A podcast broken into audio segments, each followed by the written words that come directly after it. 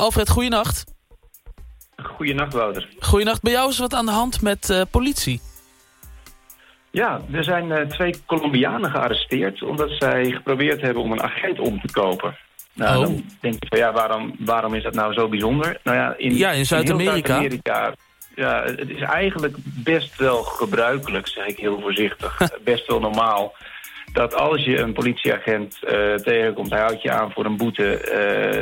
Dat, dat, dat je dat soms ook wel contant kan oplossen. Ja. Behalve nou juist in Chili. Uh, Chili heeft een ontzettend goed georganiseerd politiekorps. Dat is echt een, een erebaan.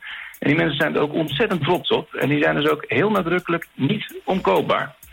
Dus op het moment dat jij probeert om, uh, om een agent hier om te kopen... Nou, dan gooi je ze met heel veel plezier gewoon rechtstreeks de bak in.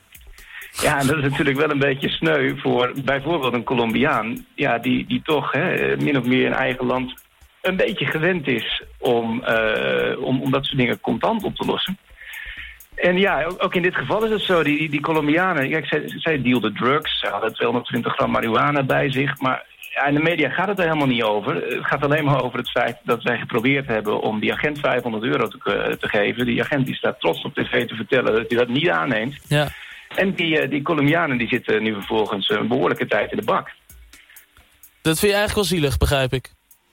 Nou ja, ik moet zeggen, je moet dat natuurlijk ook niet doen. Maar het is hier wel... Uh, ja, dit, dit hoor je ongeveer één keer per maand. En ja. Uh, dan, dan, ja, dan vinden we toch allemaal weer uh, ja, een leuke manier om, om de politie in het zonnetje te zetten hier. Dus ja, toch, toch wel weer een bewijs van de stelling van... pas op als je naar Chili komt, absoluut geen agent opkopen.